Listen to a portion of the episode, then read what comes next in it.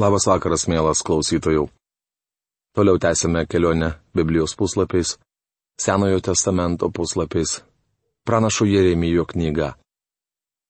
Primenu, kad praėjusioje laidoje mes pradėjome nagrinėti 18 ir 19 šios knygos skyrius, kurių tema yra ženklas podžiaus dirbtuvėje.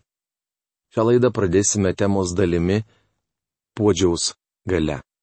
Bet kaip esame pratę, paveskime save Dievui. Paprašykime jo, kad jis padėtų mums susikaupti ir palikti viską, kas trukdo mums išgirsti jo žodį, kad supratę jo reikšmę, tinkamai galėtume pritaikyti į kiekvieną savo. Dangiškasis tėve, mes dėkojame tau, kad ir vėl galime būti drauge su tavimi, ne todėl, kad mes esame geri ar geresni už kitus, bet todėl, kad mes patyrėme tą didžiulę malonę ir gailestingumą iš tavo pusės, kaip kurėjo, kuris mūsų sukūrė, kuris mumis rūpinėsi ir kuris nori matyti mus laimingus. Dėkojame tau, kad palaiminimas yra atradimas bendrystės su tavimi. Todėl mūsų malda į tave ir maldavimas, kad tavo gyvybės žodis, kurį mes studijuojame ir skelbėme, prasiskverbtų į kiekvieno žmogaus, kuris girdi tą žinę širdį. Kad tavo šventoji dvasia įtikintų mus esant nusidėjusiais prieš tave. Kad mes tavo gale pasirinktume gyventi pergalingą gyvenimą, vaikščiodami tavo keliais. Pameldžiame mūsų viešpaties ir gelbėtojo Jėzaus Kristaus vardu. Amen. Taigi podžiaus gale. Dievas lik milžiniško ūgio podžius paėmė molį ir nulipdė iš jo žmogų, tai yra jo fizinį kūną. Pradžios knygos antros kiriaus septintoje eilutėje skaitome. Tuomet viešpats Dievas padarė žmogų į žemės dulkių ir įkvėpė jam iš nervės gyvybės alsavimą. Taip žmogus tapo gyva būtybė. Dabar grįžkime į dirbtuvę ir draugę su Jeremiju stebėkime triūsiantį puodžių. Jis koja mina senovinio žiestuvo pedalą, o įgudusiomis vikriomis rankomis iš molio formuoja meno dirbinį. Įsidėmėkite pirmąjį dėsnį. Dievas yra suverenus. Tai yra turintis aukščiausią valdžią. Podžius moliai turi neribotą galę. Joks molio gabalas negali sustabdyti podžiaus rankos ar abejoti jo teisėmis. Molis negali podžiui pasipriešinti, atsikalbinėti, uždrausti ar išardyti jo planų. Kartą girdėjau istoriją apie mažą berniuką, kuris žaisdamas prie upelio iš purvo bandė nulibdyti žmogų. Vaikas ilgai ir kruopšiai dirbo ir buvo jau bebaigęs, tačiau jį pašaukė mama. Šeima rengėsi važiuoti į miestą ir jis turėjo vykti kartu. Berniukas norėjo pasilikti, tačiau mama nesileido perkalbama. Mažylis jau buvo beveik baigęs libdyti žmogų. Jam te trūko vienos rankos, tačiau reikėjo eiti. Vaikščiodamas su tėvais po miestą, berniukas išvydo vieną rankį vyrą. Kurį laiką jis stebėjo, o po to priejo prie jo ir paklausė, kodėl nuėjai man nespėjus tavęs užbaigti. Molis, kada panorėjęs, negali nulipti nuo žiestuvo, neatsikalbinėja ir nevalioja nieko daryti. Jis te gali atsiduoti į podžiaus rankas. Niekur kitur Dievo suverenumas neatskleidžiamas taip vaizdingai ir aiškiai. Žmogus yra molis ant podžiaus žiestuvo, o Dievas podžius. Šio laikinė visuomenė priešinasi tam, nes šiandien aukštinamos žmogaus teisės ir daug kalbama apie laisvę. Visi nori laisvės, nors kiekvienas ją supranta savaip. Vieniems reikia laisvės protestuoti, kitiems laisvė reikalinga daryti, ką jie nori. Regis mes visai užmiršome apie dievų teisės. Šiandien teismai švelnina bausmes reketininkams ir galvažudžiams, nes privalu ginti jų teisės. Dievas turi neginčiamą valdžią. Jo valia yra nepalenkiama ir neatšaukiama. Jis turi galę sukurti visatą ir tvarkytis joje, kaip jam patinka. Jis gali formuoti žemę, kurioje mes gyvename pagal savo norus. Mielas bičiuli, kiekvienas iš mūsų esame tik molis jo rankose. Dievas turi gali įvykdyti savo valią ir niekam neprivalo duoti ataskaitos. Jam nereikia atsiskaityti direktorių tarybai ar savo rinkėjams. Dievui priklauso absoliuti valdžia. Jis yra Dievas.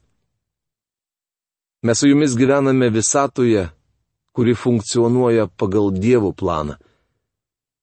Mažo žmogelio, gyvenančio ant žemės grumsto, maištas yra tarsi audra stiklinėje. Nuotraukos darytos iš menulio rodo, kad mūsų žemė yra mažas krislelis beribėje erdvėje.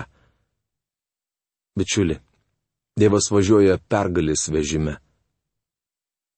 Laiško romiečiams devintame skyriuje, nuo 19 iki 21 eilutės skaitome. Gal man prikiši o už ką tada jis mane bara? Kasgi galėtų atsispirti jo valiai? Ak žmogau, kasgi tiesą sakant toks esi, kad drįsti prieštarauti Dievui? Argi libdinys klausė libdytoje, kam mane tokį padarėjai? Ar podžius neturi galios moliui, kad iš to paties minkalo pagamintų vieną indą puošnų, o kitą paprastą? Bengelis rašė. Žydai galvojo, kad Dievas negali jų apleisti, kaip negali priimti pagonių. O daktaras Leindžas, žymus vokiečių Biblijos aiškintojas, yra pasakęs, kai žmogus nusirita tiek, kad pasidirba savo Dievą, kurį dažnai apriboja savo paties teisėmis, Dievas pasirodo visoje savo didybėje ir laisvėje. Žmogus prieš jį yra niekas kaip molis podžiaus rankose. Su tokiu nusistatymu Paulius ėmėsi Dievo advokatų vaidmens, bilinėdamasis su žydų fariziejais.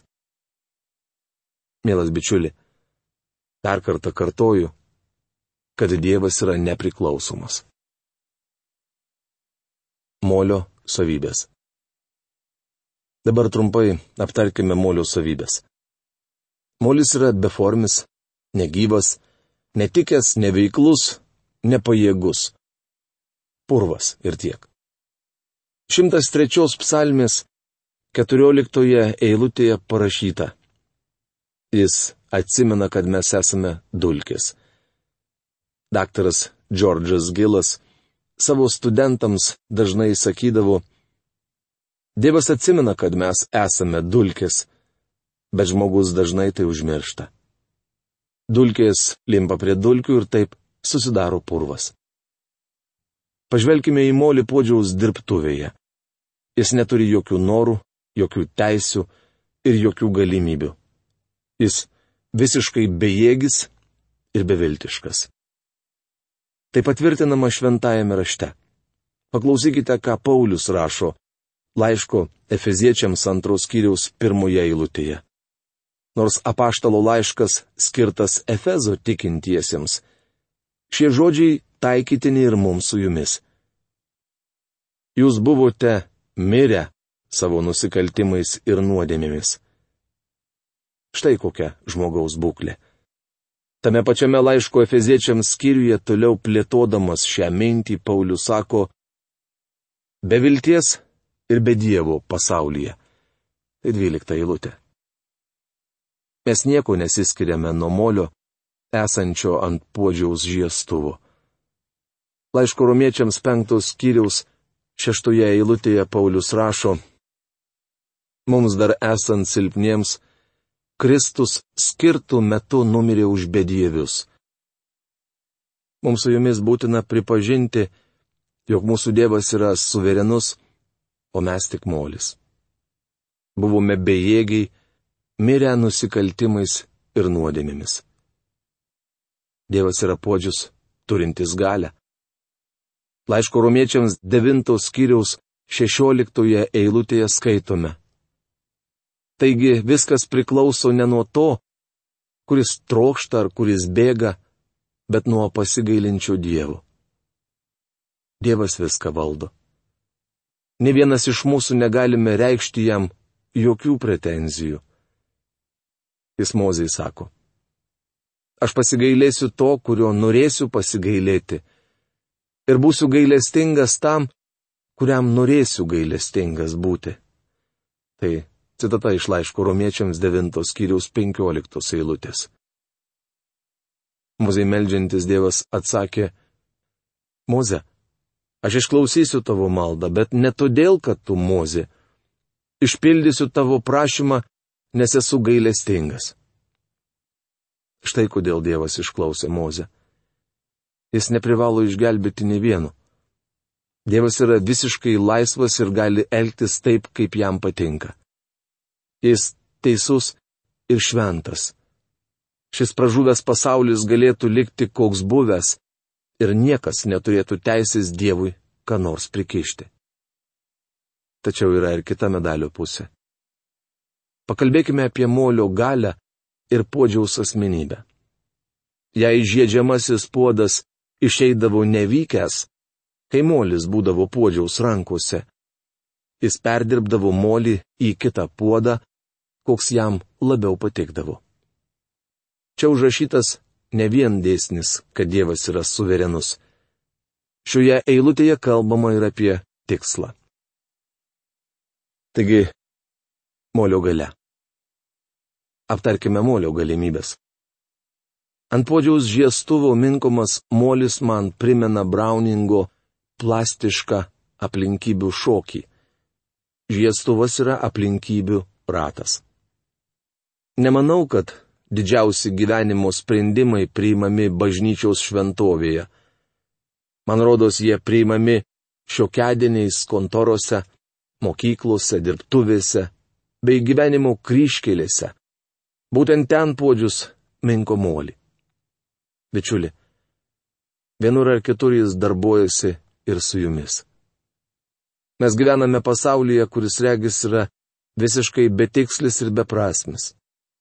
Minio žmonių nemato jokios gyvenimo prasmės, vien sumaišti. Trumpam atitraukime akis nuo podžiaus žiestuvo. Už jo matome lentynas nustatytas meno dirbiniais. Kažkada šios grožybės te buvo beformė purvo masė, vėliau tas molis pateko ant puodžiaus žiestuvo ir atsidavė į puodžiaus rankas. Kas atsitiko? Negyva molį apdorojo puodžiaus rankos. Sukantis aplinkybių ratui, jis padirbo iš jo indus, kurie dabar demonstruojami ekspozicijų salėje. Kai aš sudarinėjau Jeremijo knygos planą, mūdu su žmona lankėmės Fort Myerse, Floridos valstijoje. Ten kelioms dienoms buvome išsinuomoję būtą. Kiekvieną rytą po pusryčių aš kelias valandas dirbdavau prie Jeremijo knygos, o vėliau mūdu eidavome į kurią nors salą rinkti kriuklių. Būdamas ten pastebėjau, kad pakrantės nusėtos tūkstančiais, skirtingų moliuskų kriauklių. Niekada nemaniau, kad gali būti tokia jų įvairovė. Dievas viską daro su pertekliu. Mano žmona nusipirko knygą apie kriaukles ir pagal ją mes bandėme nustatyti, koks keutas kokiam moliuskui priklauso. Rankoje turiu nepaprastai gražią mažytę kriauklelę, kurią suradau Sanibelo salos pakrantėje. Ryta buvau triūsęs prie 18 Jeremijo knygos skyriaus ir kai suradau šią kreuklelę, supratau, jog viešpats bando mums kažką pasakyti. Mažam padarėliui, žirnio dydžio moliuskui Dievas sukūrė nuostabų namelį. Aš pagalvojau, jei didysis architektas taip kruopščiai sukūrė mažą kreuklelę, glūdinčią vandenino dugne, tai ką jau kalbėti apie žmogų? Dar sėki pažvelkite į tuos meno dirbinius, kuriais podžius nustatė ištisas lentynas. Neniekinkite molio. Jis yra minkštas ir paslankus. Juk būtent molis reikalingas puodžiui. Jam reikia ne plieno, naftos rakmens, bet molio. Kažko, ką galėtų minkyti savo rankomis ir žiesti. Dievas ieško molio. Jis nori dirbti su žmonėmis. Kas nors galbūt pasakys, taip, bet čia analogija praranda prasme. Atstumas tarp dievų ir žmogaus didesnis negu tarp puodžiaus ir molio. Anaip tol. Iš tikrųjų, Dievas yra arčiau žmogaus negu minkalas prie puodžiaus. Noriu pasakyti, kad molis ant žiestuvo puodžiaus dirbtuvėje, kurioje apsilankė Jeremijas, neturi jokios valios, o aš turiu. Anas molis negali bendradarbiauti su puodžiumi, o aš galiu. Ne šiaip savo citavau pradžios knygoje užrašytą pasakojimą apie žmogaus sukūrimą. Dievas sukūrė žmogų pagal savo paveikslą. Jo kūną suformavo iš žemės dulkių, tuomet įkvėpė jam iš nervės gyvybės dvasę ir žmogus tapo gyva būtybė. Šiandien žmogus turi laisvą valią ir gali ją naudotis. Molis ant žiestuvų neturi jokios valios, bet mes su jumis turime. Galime bendradarbiauti su podžiumi. Norėčiau paklausti podžiaus. Kokiu tikslu dedi mane ant žiestuvų? Kodėl mane minka ir bandai iš manęs kažką padirbti? Podžiau, kodėl visą tai darai? nenoriu būti nepagarbus. Aš tik atsargiai, kaip mažas berniukas atsikalbinėjau. Kodėl, podžiau, tai darai? Ko sieki? Kągi, grįžtu į podžiaus dirbtuvę. Labai atidžiai sekite mintį. Tikslo aš nesužinau, tačiau patiriu kažką, kas dar svarbiau už mano gyvenimo tikslą. Sužinau, kad podžius turi tikslą. Tai kur kas svarbiau stebiu podžių triūsianti prie žiestuvo. Jis rimtas ir susikaupęs. Podžius nežaidžia su moliu. Tai jo darbas. Žiesdamas molį jis aukoja savo laiką, talentą ir jėgas. Dar sėki paklausykite, ką sakoma šios skyriaus trečioje ir ketvirtoje eilutėse. Tada aš ir nuėjau į podžiaus dirbtuvę. Jis kaip tik triūsė prie žiestuvo. Jei žiedžiamasis puodas išeidavo nevykęs, kai molis būdavo podžiaus rankose, jis perdirbdavo molį į kitą puodą, koks jam labiausiai patikdavo. Bičiuli, podžius nepramogauja, bet dirba. Keraminių indų gamyba nėra jo hobis. Podžius nebando praskaidrinti niurios kasdienybės, jis žino, ką daro. Tai rodo, kad Dievas šiandien nežaidžia su manimi. Jis netlieka su žmonėje eksperimentų, bet turi tikslą. Bičiuli, ši žinia mane godžia. Tai antrasis šioje Jeremijo knygos atkarpoje atskleidžiamas dėsnis. Podžius turi tikslą. Kaip stebėtojas aš stoviu greta Jeremijo ir klausiu. Ką jis nulibdys? Jeremijas atsako, nežinau. Pažiūrėkime ir pamatysime. Stebėtojas, žiūrėdamas iš šalies, negali pasakyti, ką podžius lipdo. Tai žino pats podžius, nes jis turi tikslą. Molis nežino, kokiam tikslui yra skirtas. Tačiau vieną dieną, bičiuli, mes tai sužinosime. Podžius ne šiaip savo uždeda mus ant aplinkybių rato. Jis turi tikslą. 17 psalmės 15 eilutėje skaitome, pabudęs, pasisotinsiu tavo pavydalu, Taip verčia profesorius Algirdas Jurienas. Tai reiškia, vieną dieną aš būsiu panašus į jį. Pirmo Jono laiško trečios skyriaus antroje eilutėje parašyta, dar nepasirodė, kas būsime.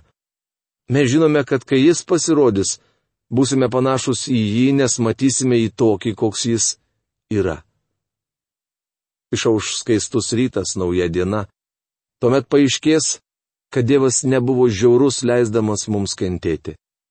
Vieną dieną mes įsitikinsime, jog jūsų ir mano gyvenimui Dievas turėjo tikslą. Prisiminkime, ką Paulius rašė Efeziečiams. Antrą laiško skyrių jis pradėjo liūdnai žodžiais, kuriuos aš jau citavau. Ir jis padarė jūs gyvus, kai buvote mirę savo nusikaltimais ir nuodėmėmis, verčia profesorius Algirdas Jurienas.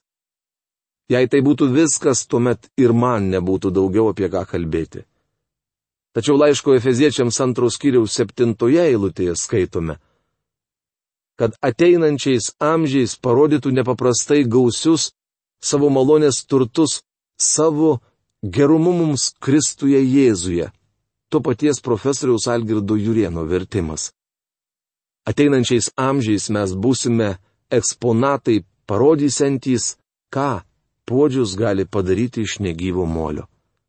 Visa šlovė atitenka jam.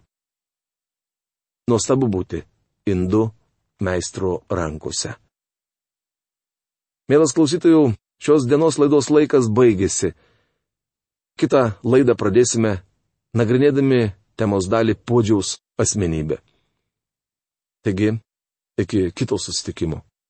Sudė.